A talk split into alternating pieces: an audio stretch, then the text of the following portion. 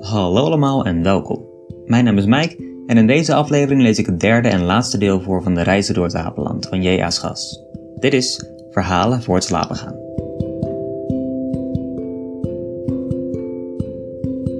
De Reizen door het Apenland werd in 1788 gepubliceerd onder de naam J.A. Schas M.D., wat waarschijnlijk het pseudoniem van de dichter en patriot Gerrit Pape is. Als hij het inderdaad is, dan schreef hij het terwijl hij in Duinkerken ondergedoken zat, nadat hij door de Orangisten het land uitgedreven was. Wegens majesteitsgrens werd hem een jaar later de toegang tot vier van de gewesten ontzegd. Met de reizen door het Apenland schreef Gerrit Paap een maatschappijkritische en politieke satire, waarin een man het land uit moet vluchten nadat hij per ongeluk zijn vrouw, dienstmeid, paard en hond heeft laten verdrinken.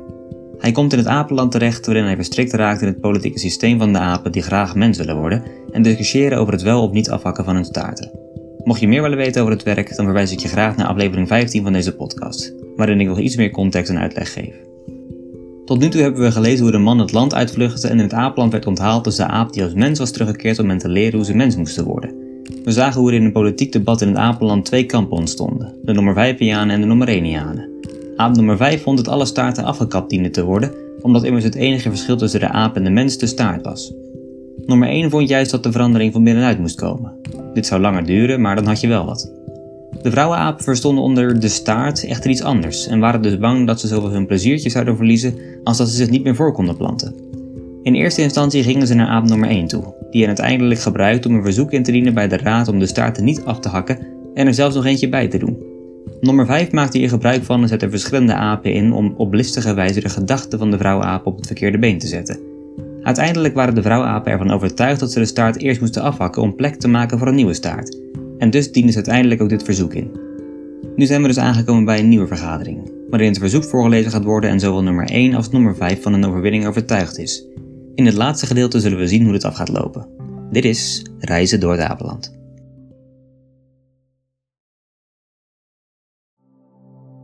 Reizen door het Apenland. Hoofdstuk 22. Het request. Apen die het wel met het apendom menen, die destijds rechten handhaven en niet anders bedoelen dan den bloei van alle de aperijen, worden altoos gedwarsboomd, steeds teleurgesteld, door hen die niets dan kwaad beogen. Door hen zelfs waarvoor zij zich alle moeite en opofferingen getroosten. Op deze wijze werd men door een oude baviaan het karakter der apen over het algemeen afgeschetst. En inderdaad, ik bevond dat het zo waren. Het request werd dan geopend en door de secretaris overluid voorgelezen. Het behelsde hoofdzakelijk dat de apinnen van staarten horende reppen dadelijk de oren hadden opgestoken, omdat zij niet zozeer hun attentie waardig keurden dan de staarten in het algemeen. Dat zij serieuselijk onderzoek gedaan hadden naar de soort van staarten die men had voorgesteld om afgekapt te worden. Dat men haar onderricht had zoals het ook door een voornaam lid deze vergadering onder de heiligste secretesse was toegestemd dat men zich bepaald had tot een staart die men wel levendheidshalve alleen de zinnebeeldige naam gaf. Dat zij, overwegende dat het ganselijk verderf der aap op handen was wanneer men dit plan voortging, alle evenzeer met een diepe verslagenheid getroffen werden. Dat zij vertrouwde niet nodig te hebben de redenen te alle geweren die haar daartoe moveerden. De ganse vergadering kon ze lichtelijk bevroeden dat de voorplanting van het aapdom in zonderheid haar zwaar op het hart lag. Dat dit artikel moest ophouden bij de uitvoering der afkapping. Dat zij, willende de uitroeiing van het apendom naar hun zwak vermogen helpen verhoeden en ernstig op bedacht waren geweest om de nadeligheid van het plan der afkapping onder welnemen der ontwerpers ten duidelijkste aan den dag te leggen, om, waren zulks mogelijk, een nadelige resolutie te voorkomen, zoals zij bij deze deden, enzovoorts dat zij derhalve ootmoediglijk verzochten dat de afkapping der zinnebeeldige staart geen plaats mocht hebben. Integendeel, dat zij liever zouden zien en dat het ook met de belangen van de staat oneindig beter stroken zou, wanneer men in stede van dergelijk een staart af te kappen er nog een tweede bijvoegde. Dat men echter deze hare wens aan geen ander beginsel moest toeschrijven dan aan zuivere apenliefheid en ware apenlandsliefde. Dat zij, overtuigd van de hoge wijsheid en grondige ervarenheid der apenhoofden, gaarne geloofde dat deze zeer wel wisten wat hen te doen stond. Dat zij des niet tegenstaande de vrijheid namen om haar gevoelens aan de apen die op de bomen gezeten waren bekend te maken. Dat zij vertrouwden dat hen dit niet ten kwade zou getuid worden, vermits in alle welgestelde apendommen goede raad om het even van wie altoos welkom waren. Dat zij derhalve voorstelden om, ingevallen men tot de aanzetting van een tweede nieuwe zinnenbeeldige staart mocht besluiten, den lange eigenlijk gezegde apenstaart af te kappen. Om reden dat men mens zijnde dezelfde volstrekt niet nodig had, en zij door hun poten en ogen overtuigd waren geworden dat de mensen geen staarten hadden, blijkens nummer 17. Dat men daardoor een gevoeglijke en zeer geschikte plaats verkreeg om een tweede zozeer begeerde en onontbeerlijke staart te kunnen plaatsen. Dat men met de afkapping echter enig onderscheid zou gebruiken. Dat bijvoorbeeld dezelfde geen plaats behoorde te hebben bij de apenhoven, priesters enzovoorts. Omdat deze, als altoos bezig zijnde met de gewichtigste zaken, waartoe zij al hun vermogens, geesten, krachten enzovoorts nodig hadden, het zeer wel met één staart stellen konden enzovoorts. Dat zij een spoedig besluit verzochten, zo gunstig als het algemeen belang vorderde en toeliet. Waarna zij het gezamenlijk apendom bevallen in de protectie enzovoorts. De onderschrijving was als gewoonlijk, het welk doende enzovoorts. Was getekend nummer 800.009.753. Op het lezen van dit request was het niet anders dan of de Nomerenianen door een donder getroffen waren. Ze voelden zich geheel in het net gewikkeld, dat ze voor een ander menen te spannen. Nummer 5 vatte de aastonds het woord. Zie daar, zei hij, de stemmen des volks. Zie daar een billig verzoek wat de afkapping belangt. De nummer 5 juichte hem dadelijk toe, en er was niet aan te twijfelen of ze hadden gewonnen spel. De president deed daarop omvraag. Nummer 1 verklaarde niet gereed te zijn om op de eerste lezing van zulk een uitgebreid en gewichtig request zijn gedachten te kunnen uiten. Dat er tijd van beraad toe nodig waren en dat hij derhalve het overnam. Vermits het request geen punt van beschrijving geweest waren en het door een der leden overgenomen werd, kon er geen resolutie opvallen dan bij de eerstvolgende vergadering. De nummer 5 waren over deze zet niet zeer gesticht.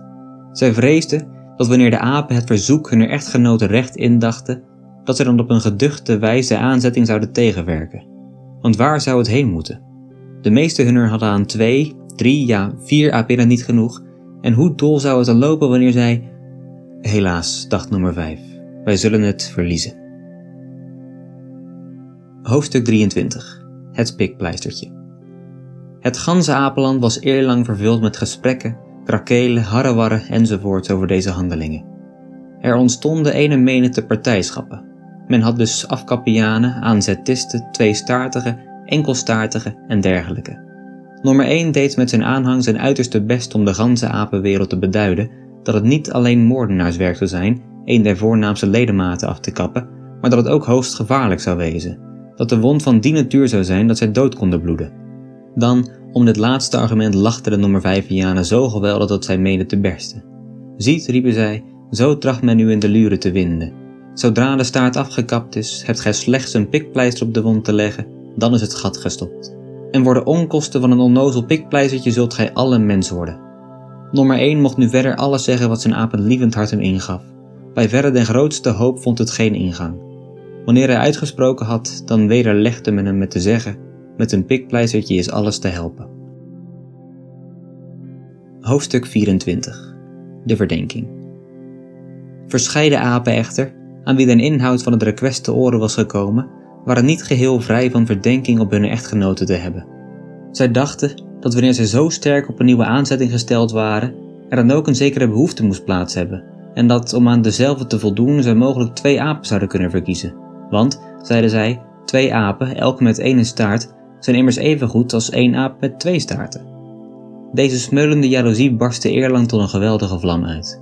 In vele boomgezinnen ontstonden de hevigste geschillen, en in dergelijke gevallen hadden de vaders het altoos het kwaadste. De jonge apinnetjes hielpen hun moeders. Deze waren er zelf voor om in stede van één nog twee, drie, vier en meer aanzettingen te doen. De jonge apen waren insgelijks tegen hun vaders aangekant.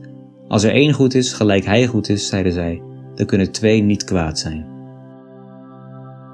Hoofdstuk 25 De verwondering het stond derhalve zo geschapen dat de apenmaatschappij loutere verwarring, verdeeldheid en wanorde werd. De grootste hoop was voor de afkapping, en dat wel zo dol dat zij zwoeren dat ingevallen de afkapping op wettig gezag niet geschiedde, zij dan zelf hun staarten zouden afkappen.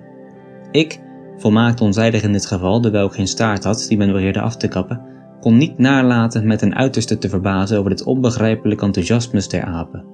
Wanneer het te doen waren, dacht ik om iets te winnen dan liet deze drift zich enigszins billiken. Maar nu, nu zij hun voornaamste ledematen moeten verliezen, nu zo sterk op dat verlies aan te dringen. Zij verdienen dat men alles afkappen wat buiten hun lichaam uitsteekt. Hoofdstuk 26 De edelmoedigheid Het uur waarop men een nadere vergadering over deze gewichtige zaak hield daarzijnde, geraakte het ganse apendom op de poot. Want alles wat een staart aan zijn achterste delen droeg, had er het grootste belang bij om te weten hoe danig de resolutie daaromtrent vallen zou. De nummer vijfianen hadden genoegzaam alles in hun voordeel.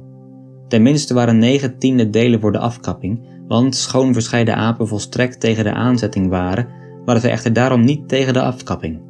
En onder de afkapisten vond men dat gedeelte des apendoms dat met geweld doordrijft, hetgeen men hen niet schielijk toestaat, het zij dan recht of onrecht. Nummer 1, dit alles wetende, liet daarom niet na nogmaals pogingen aan te wenden, ten einde het ongelukkige apengeslacht bij het gebruik zijner staart te behouden. Hij deed opmerken hoe belachelijk het waren dat men begeerde om nog een nieuwe zinnebeeldige staart aangezet te hebben. Hij zei te blozen over een verzoek van dien aard, waardoor de apinnetjes behalve hun botte onkunde, die alle natuurkunde verzaakte, ook hun onkuisheid aan een dag legden. Als even door dit verzoek duidelijk betonende dat zij geen ene aap genoeg hadden. Nog voegde hij erbij, zou men misschien kunnen besluiten, bijaldien de zaak zelf mogelijk waren, om erin toe te stemmen. Maar zou men dan tevens niet moeten afzien van ons groot en heerlijk ontwerp? Zouden wij dan, in steden van de mensen gelijkvormig te worden, niet hoe langer hoe verder van derzelfde gedaante afwijken? Want onder de mensen zijn geen dubbelstaartigen. Gij hebt volmaakt gelijk, riep nummer 5. Niemand onder is zo zot of hij begrijpt de dwaasheid en onuitvoerlijkheid van dit verzoek. Maar moet men de apinnetjes niet wat toegeven in dit geval? Moet men niet zoveel politesse gebruiken dat men tenminste niet openlijk beschaapt maken? Doen wij op onze beurt ook niet wel eens verzoeken aan de apinnetjes, die waarlijk onze meerderheid boven haar in het geheel niet tot ere verstrekken en in alle gevallen, hij ziet nummer 1 sterk aan, wie heeft haar de twee staarten het eerst in het hoofd gebracht? Wij willen ook niet eens treden in dat verzoek. Uit inschikkelijkheid voor de apinnetjes en des zelfs aanstokers zullen wij het voorbijgaan, even alsof het niet geschied waren.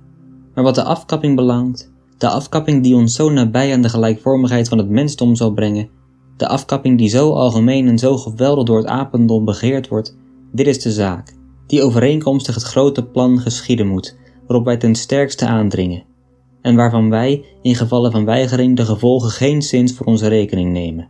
Want, mijn apen, het apendom wil een staart verliezen. Is het dan niet met, het zij dan tegen onze dank. En hoe ongenadig, hoe onbarmhartig zal dan de verbitterde menigte niet op ons aanvallen. Zij zullen ons de gunst niet bewijzen om onze staarten ordelijk af te kappen. Nee, zij zullen ze afdraaien, afringen, afscheuren, afknauwen, met wortel en tak uitdrukken, zodat onze darmen, onze long, lever, maag, nieren en verdere ingewanden eraan zullen blijven hangen. En wij met een ingevallen buik voorover, dood, hartstikke dood, zullen nederstorten.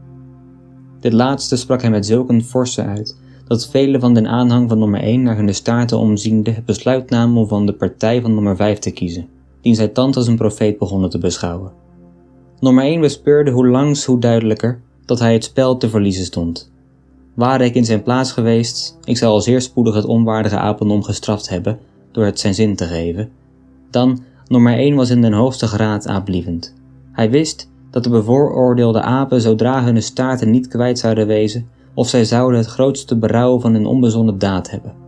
Of zij zouden met hart en ziel verlangen dat zij zijn wijze raad mochten hebben opgevolgd.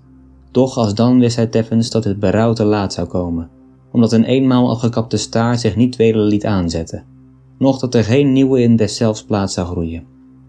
Hij voorzag gedroevig gejammer en bitterlijk weeklagen der staarteloze apen, die onder de hevigste pijnen, met de trekkendste pikpleisters op hun wonden, eeuwige vervloekingen zouden uitspreken over hen die de afkapping hadden voorgesteld en aangedrongen. Hij wilde daarom zich geheel kwijten van zijn verplichting als aap en begeerde niet dat men een naderhand iets als geringste te last kon leggen. Door dit edel beginsel gedreven deed hij het voorstel om alvorens tot een algemene afkapping te resolveren, eerst de proef aan tien of twaalf apen te nemen, om te zien hoe danig zulk een vreemd kuur hem bekomen zou, en dat hij, terwijl deze tien of twaalf misschien bezwaarlijk te vinden zou zijn, zijn eigen persoon aanbood om aan deze beproeving te worden blootgesteld.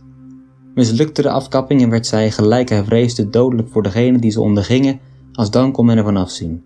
Doch gelukte dezelfde wel, als dan ware het nog tijd om ertoe te besluiten, en in dat geval zou hij de eerste wezen die er zijn stem toegaf.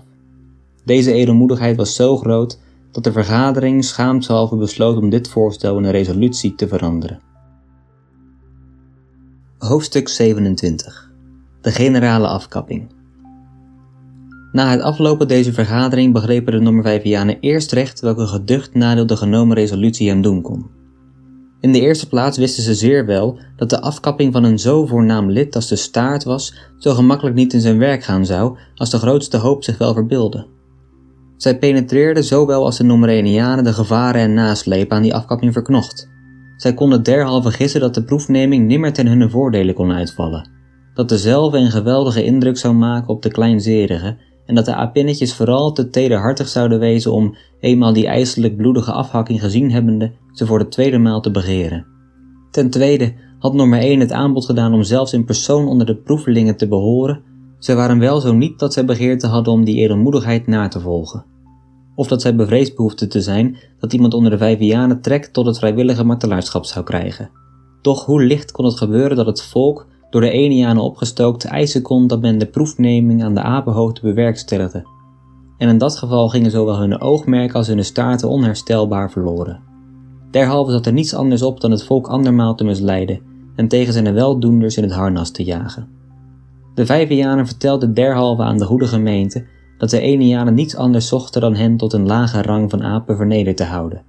Dat ze daartoe allerlei kunstenarijen in het werk stelden om alle heilzame resolutieën te vertragen of wel geheel te verrijdelen. Dat zij dus de eerste poging om de gelijkvormigheid van mens aan te nemen, dat is de staarten te laten afkappen, dwarsboomde door gedurige hinderpalen in de weg te werpen. Nu, zeiden zij, heeft die landverderfelijke partij weder een ander voorstel gedaan om, namelijk aan twaalf apen de proef te nemen, alvorens er een generale afkapping plaats zal hebben. Maar wie doorziet het heerszuchtige oogmerk der Nomerenianen niet? Nummer 1 biedt zich aan om onder die proeflingen te behoren. Zekerlijk zou men het zo draaien dat de overige elf ook zijn lievelingen waren. Zodra zouden zij door de afkapping geen meerderheid boven ons verkregen hebben, of men zou de afkapping als ijselijk, vreed, ondraaglijk en dodelijk doen voorkomen en de goede gemeente afschrikken om insgelijks hun staarten te verliezen en mens te worden. En dan zouden die twaalf apenmensen zich eerst doen gelden, zich in de hoogte verheffen en onze tirannen worden. Die vervloekte Nomerenianen, riep de ganse goede gemeente, onder bedreiging van dit gehele complot ten hals te breken. De woeling onder het apendom werd daarop zo geweldig dat men genoodzaakt was dadelijk een vergadering te houden en tot een generale afkapping der staarten te besluiten. Gelijk gedaan werd overeenkomstig de propositie van nummer 5. Hoofdstuk 28 De apenvreugd Deze resolutie verwekte een algemene blijdschap onder het apendom. Alles juichte, alles danste, alles sprong, alles was ijverig om zijn genoegen aan den dag te leggen. De aaplievende Nomerenianen alleen lieten in kop hangen, zuchtten zwaarlijk en beklaagden zich apen geboren te zijn en onder apen te behoren die vermeenden dat hun grootste apelijkheid in hun staart bestond. Deze hadden geen andere troost dan dat zij wel met hun mede-apen hadden voorgehad en dat deze het volstrekt zelf waren waaraan de rampen te wijten waren die hen dreigden te overkomen. De Nomervijvianen, vrezende dat hun partij nog enige heimelijke pogingen zou doen om de gemoederen des licht veranderlijke apendoms om te zetten, wisten het vuur van die onbezonnen ijver in diervoegen aan te blazen, dat de menigte andermaal opkwam en de apenhoofden noodzaakte om een dag der afkapping vast te stellen. Uit hoofde der grote en omslachtige omstandigheden, welke bij deze bloederige plechtigheid moesten plaats hebben en die alle van tevoren beschikt moesten worden, kon men het tijdstip der afkapping niet spoediger bepalen dan op de derde dag na het nemen der resolutie. Intussen waren de geruchten, maar op een verwonderlijke wijze misvormd, ter oren van het geheimcomité gekomen. Men had het verhaald dat al de apen reeds zo ver in het stuk der menswording gevorderd waren dat er niets anders meer aan ontbrak dan dat hun staarten moesten afgekapt worden, en dat deze afkapping spoedig stond te geschieden, zodat het rijk der berenleiders, apenmannen enzovoorts eerstdaags geheel ten einde zou lopen. Zij meenden hier niet te moeten vertoeven, maar dadelijk gewapend der hand naar het apenland te moeten vertrekken, ten einde zulk een verschrikkelijke inbreuk op hun prerogatieven te voorkomen. Hoofdstuk 29 De schikking De apenhoofden hielden zich nu druk bezig om aanstalt tot die grote dag te maken, die voor eeuwig in de geschiedboeken der apen stond te worden gebrandmerkt. Nummer 1 kon het niet afzien om zijn aaplievigheid te doen werken. Hij zocht de zaken daarheen te dirigeren dat de schikking der afkapping in diervoegen zou zijn dat men niet meer dan zes apen tegelijk de staarten zou afhakken. Hij verhoopte dat door het gezicht en marteling van enige weinigen de overigen zouden worden afgeschrikt, zodat zelf het tijdstip der uitvoering nog een middel kon worden om het apendom bij zijn staart te bewaren. Dan de nummer Vijvianen, die niet anders dan listen van deze partij verwachteden, doorzagen de gehele toeleg van nummer 1 en hadden weinig moeite om derzelfde te verijdelen.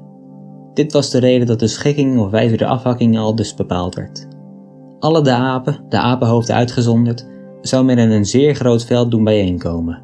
En al daar in een grote cirkel of ronde kring scharen, alle achter elkander, zodat elke aap de staart van zijn voorzitter kon bereiken.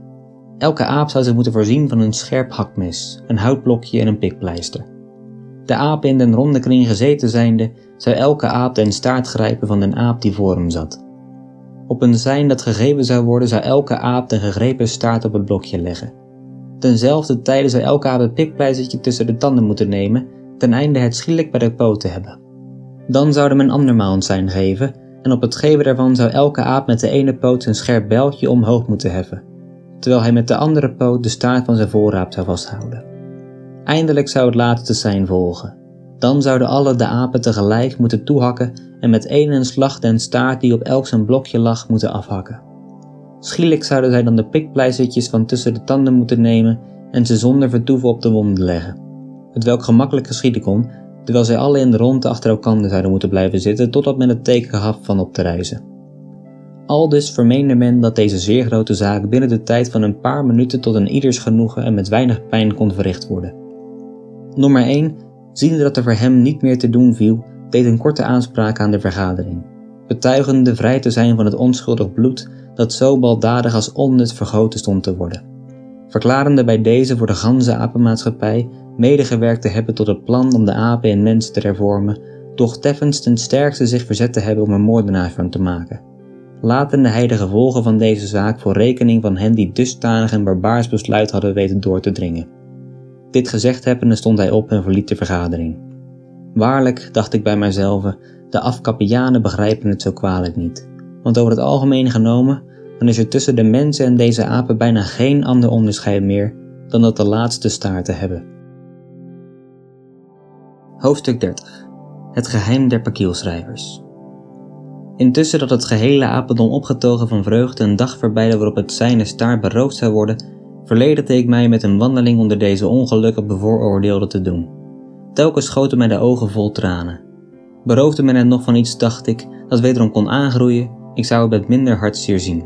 Maar een staart, hemel, een staart af te kappen, die nimmer door een andere vervangen wordt, welk een dolligheid.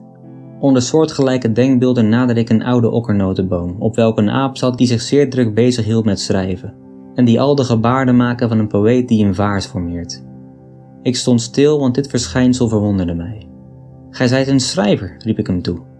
Zal er iets van uw dienst zijn? vroeg hij en klom met alle spoed uit een boom. Van mijn dienst? Doet gij dan winkel? Ja en nee, zei de aap, zoals gewild. Ik ben een schrijver en sta elk ten dienst die mij betaalt. Is het schrijven dan hier een ambacht? Is het dan onder het mensdom ook niet? vroeg de aap. In geen delen. Daar is het een edele oefening van verheven, doorluchtige en onbaatzuchtige verstanden. Ei, ei, riep de aap, hier is het een anders. Doch het is ons toegegeven, want wij zijn maar apen. Zodra zullen wij geen mensen zijn, of wij zullen ook als verheven, doorluchtige en onbaatzuchtige verstanden schrijven. Maar op wat wijze exerceert gij het ambacht? vroeg nummer 17.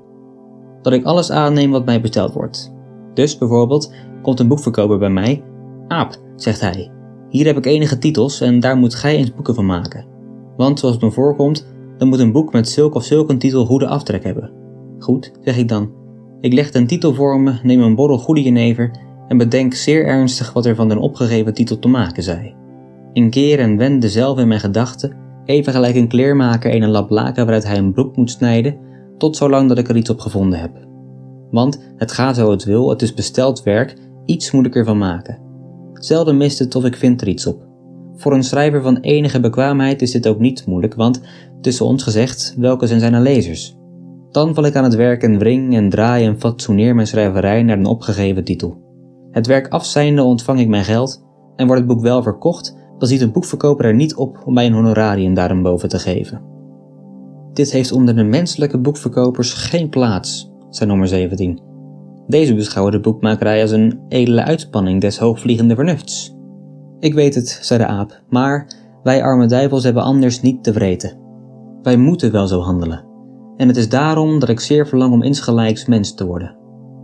Schrijft gij ook over de publieke zaken? vroeg nummer 17. Ik schrijf over alles, pro en contra.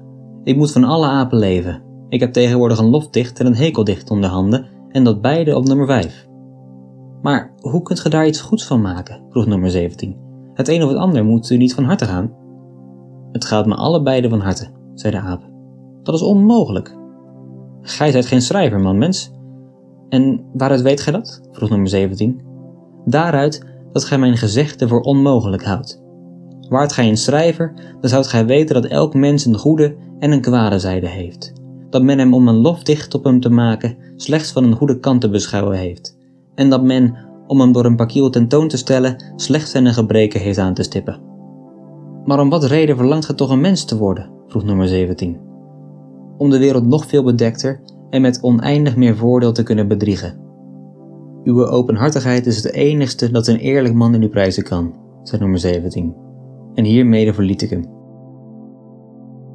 Hoofdstuk 31 De pakierfabriek Ik verwonderde mij nu niet langer over de verbazende menigte pakieën die er bijna alle uren tevoorschijn kwamen.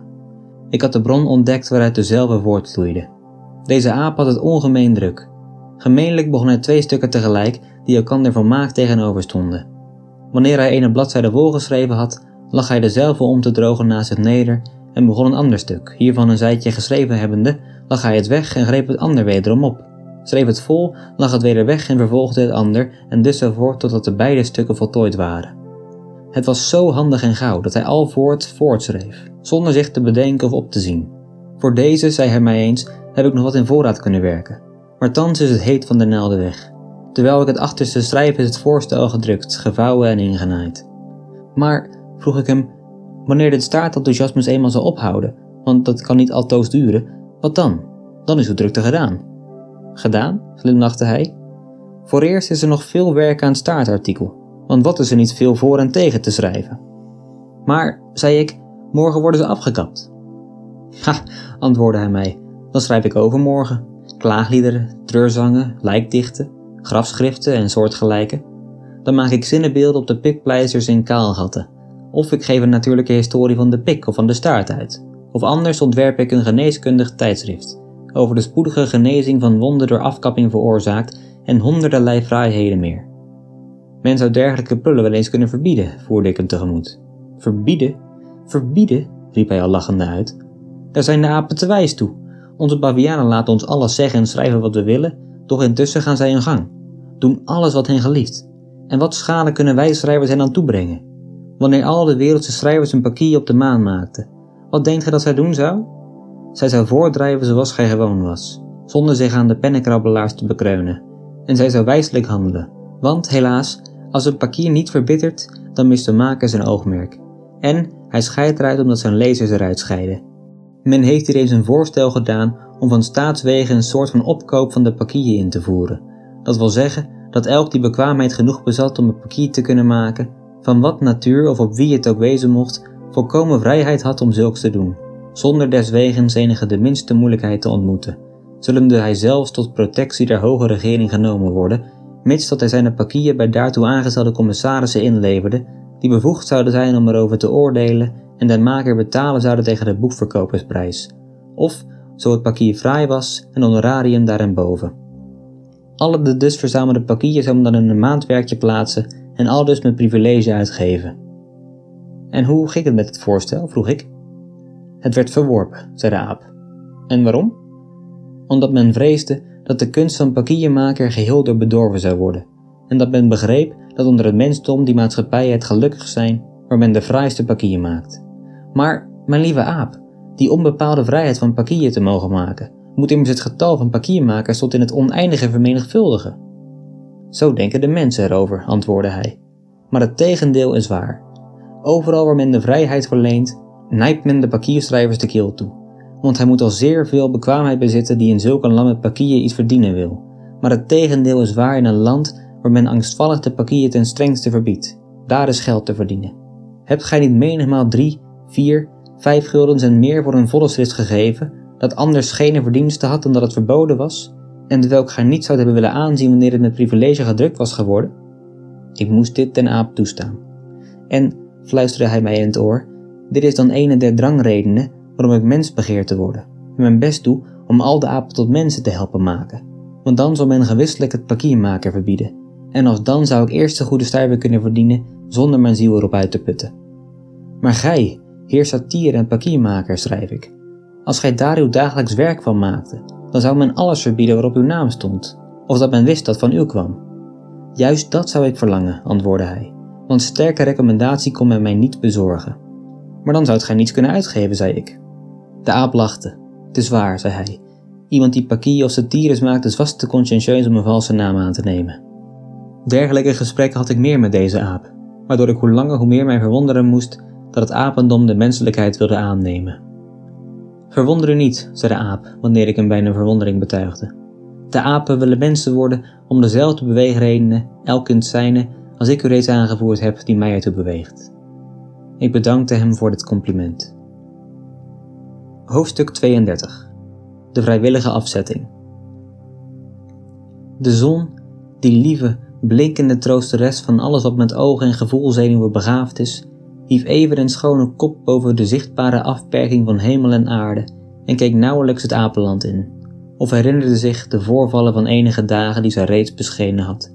Zij stotterde op den gezichteinder als het ware en scheen van zins te wezen om vol verontwaardiging weer terug te keren, om de apen niet in de schaduw te multipliceren, toen haar, even gelijk een zwangere vrouw, schielijk een vreemde lust bevond.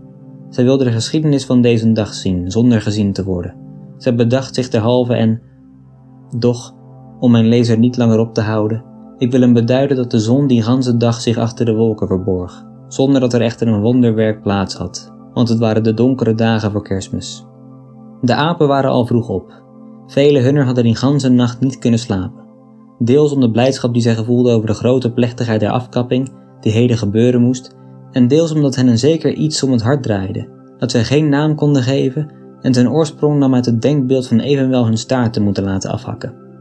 De Romerenianen, welker getal zeer gering was, waren bitterlijk bedroefd.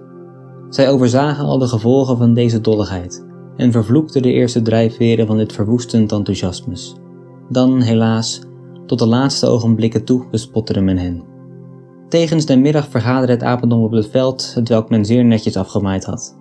In deszelfs midden had men een hoogte van 50 à 60 voeten opgeworpen, op welks vlakke kruinde plaatsen voor de apenhoofden, die van de afkapping vrij zouden zijn, bestemd waren. Ook stond er een vervaarlijk grote trommel, waarop in stede van een kalfsvel een elefantshuid gespannen was. Boven henzelf was een soort van wip, door middel van welke een zware kogel aan een touw vastgemaakt schielig op den trommel liet vallen, en wederom ophaalde, welk een sterk, doordringend en brommend geluid maakte dat wel drie uren verder kon gehoord worden. Deze machine moest men gebruiken tot het geven der algemene seinen. Toen de apen alle bij elkaar waren, begon men den kring te formeren.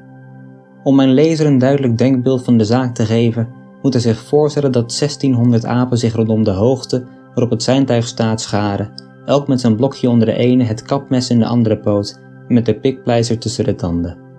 Deze apen formeren dus een kring waarna zij rechtsom maakten en achter elkaar gaan zitten, zodat de ene vlak op de rug van de andere ziet. Elk zet er op zijn blokje tegen het achterkwartier van zijn voorzitter en vestigt het oog op het zijntuig. Een tweede kring slaat om deze eersten zich heen, waarin zich 100 apen meer en dus 1700 bevinden. De manoeuvres van deze kring zijn gelijk aan die van de eerste. Een derde kring doet hetzelfde. Een vierde, vijfde, zesde en zo vervolgens insgelijks worden de elke kring gedurig 100 apen talrijker. En nu berekenen de lezer het getal der apen. Er waren 18.005.467 kringen doch in een buitenste kring waren 15 apen meer dan er eigenlijk in behoorden. Het apendom zat dus zo regelmatig en zo dicht in elkander als het met mogelijkheid zitten kon. Het maakte een onzachtverwekkende vertoning in een gehele natie even als een grote opgerolde kousenband bijeen vergaderd te zien. Aller apenogen waren nu geslagen op de seinmachine. Vele apenharten klopten geweldig. Het zou er nu op aankomen. Hunne staarten gingen voor eeuwig helaas voor eeuwig verloren. De zware kogel verhief zich in de hoogte. Men staarde hem na, hij viel. De trommel gaf een vervaarlijke brom. Fluks lag elke aap den aangegrepen staart van zijn voorzitter op het bokje.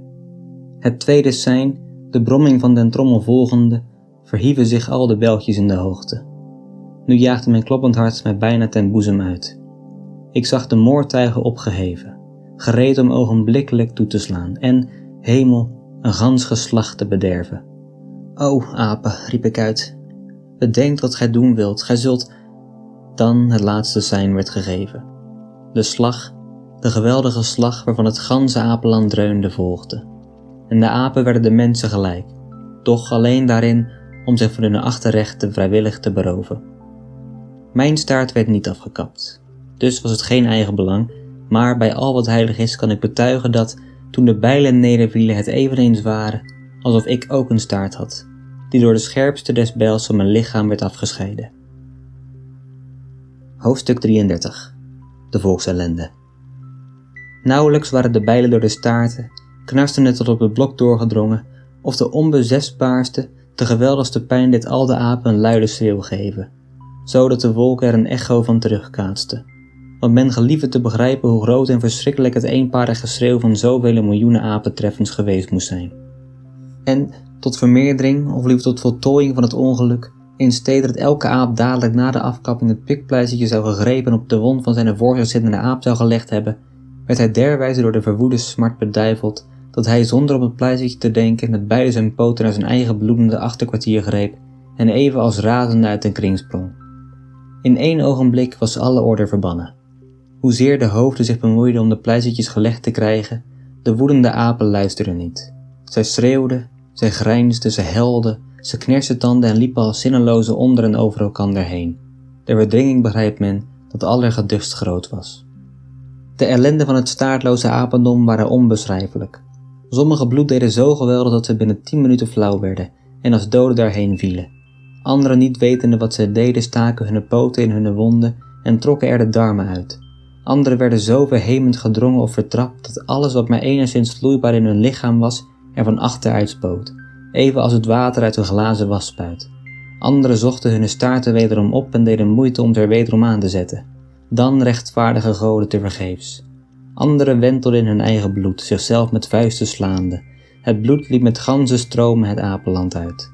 Het veld lag tien uren in de ronde, twaalf voeten dikte, opgehoopt met afgekapte staarten waarvan de meeste nog enige trekkingen van leven hadden, zodat zij flauwelijk dooreenkrioelden, omtrent als pasgekeurde verpalingen. Alles wat zijn staart verloren had, vervloekte de Norvijvianen, die kort tevoren zo algemeen gezegend en toegejuicht werden. Eindelijk door verlies van bloed en hevigheid van pijn stortte het ganse apendom dat helaas niet meer dan uit een vel en benen bestond in onmacht daarheen. De Vijvianen, ziende wat het gevolg hun dwingelandij waren, dropen beschaamdelijk af en verborgen zich in hun rijk geladen okkernotenbomen. Nummer 1 met al de zijnen schoot er hulpen toe en bepleisterde alle de bloedende apengaten die zij konden. Hij verweet de ongelukkige menigte niets, nee, hij vertroostte haar en deelde al haar de versnaperingen mede die hij zelf bezat. Hij bezorgde de zieken, paste hen zelf een eigen persoon op en droeg met eigen handen de doden uit de middenweg. De apakielmaker zat wederom in zijn boom gelijk tevoren. Ik verwonderde mij dat ik hem even druk bezig zag als onlangs. Hebt gij uw staart nog? vroeg ik hem. Nee, antwoordde hij. En dat zo in staat om te kunnen schrijven? vroeg ik. Ik heb zeer weinig letsel van de wond, zei de aap. En al uw medeapen zijn er bijna om koud. Ze moesten het gat gestopt hebben, zei de aap. Hebt gij dat gedaan? Zeer zeker. Met een pikpleistertje?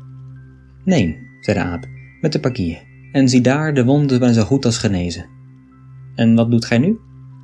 Ik maak lijkdichten, ruiklachten enzovoorts. Dus begrijpt gij dat ik de poten vol heb.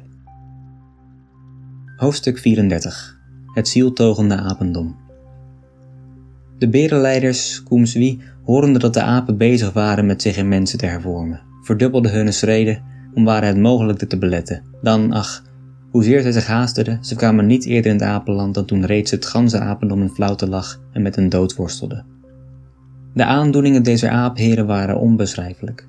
Ze zagen op eenmaal zich van hun bestaan en kostwinning verstreken, zonder dat hun kindskinderen hoop konden voeden op de herstelling van de gestaarte familie. Zij prezen den ijver van nummer 1 en moedigden hem aan om nog zoveel apen te behouden als mogelijk waren. Het is waar, zeiden ze, Ze zijn wel zonder staart, maar echter zijn het nog apen die op een theater kunnen zitten. Verwoed kwaad waren zij op de Vijvianen. Deze beschouwden zij als de bronnen van alle deze onheilen. Zij zochten vlijtig op, vonden ze in hun okkernotenbomen en voerden ze met zich mede om op het naaste kermissen gebruikt te worden. Ik zat op een hoge boom en beschouwde de zieltogende apennatie met welende ogen. Ik schreide en week laat drie dagen en drie nachten, waarna ik in een diepe slaap viel. Hoofdstuk 35 De ontwaking Uit mijn diepe slaap ontwakende was ik de verbaasheid zelf, want ziet, ik lag op mijn eigen bed in mijn eigen huis. Mijn vrouw stond aan het hoofdeneind, mijn dienstmaagd neffens haar, mijn paard hoorde ik in den stal trappen en mijn hond likte de pot uit. Hemel, riep ik, waar ben ik? Gij zijt in uw huis, mijn lieve man, bij uw vrouw. Gij hebt in een eilende koorts gelegen, zei mijn dienstmaagd. En van apen gedroomd, zei mijn vrouw. En van allerlei soorten staarten, zei de dienstmaagd. Die men wilde afkappen, zei mijn vrouw. En er andere voor in de plaats zetten, zei mijn dienstmaagd. En dus beurtelings voorgaande werd mij mijn ganse droom verhaald. Ik keek naar de rimpels en het gele vel van mijn vrouw, naar een dikke buik van mijn dienstmaagd en viel andermaal in een razernij die nog erger was. Einde.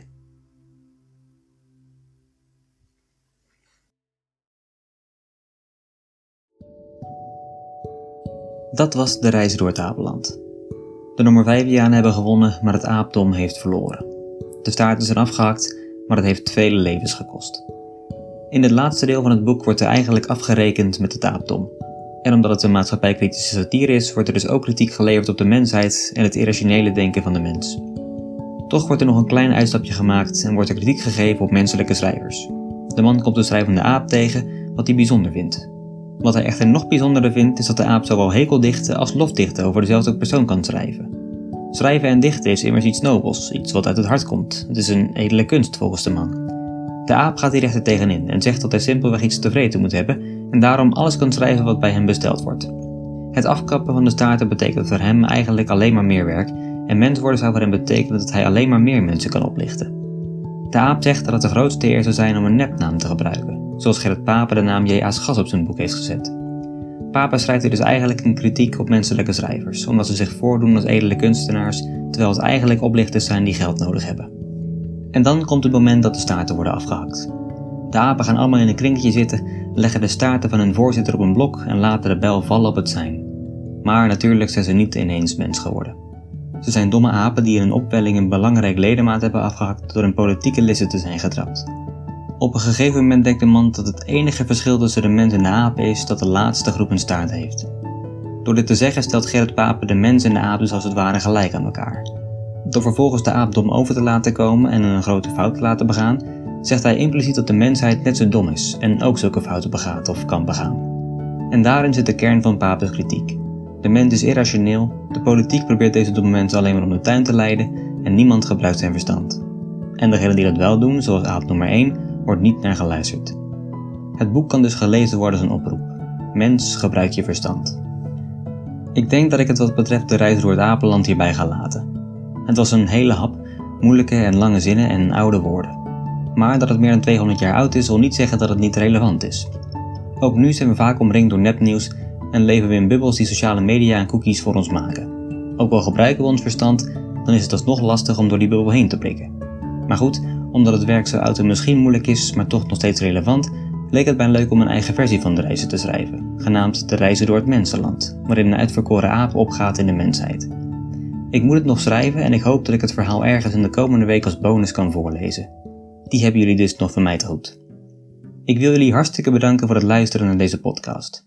Voor achter de schermen, updates, vragen of opmerkingen kun je me vinden op Instagram of Facebook onder de naam Verhalen voor het slapen gaan en dan zie slash hoor ik jullie volgende week. Voor nu, goede nacht, slaap zacht.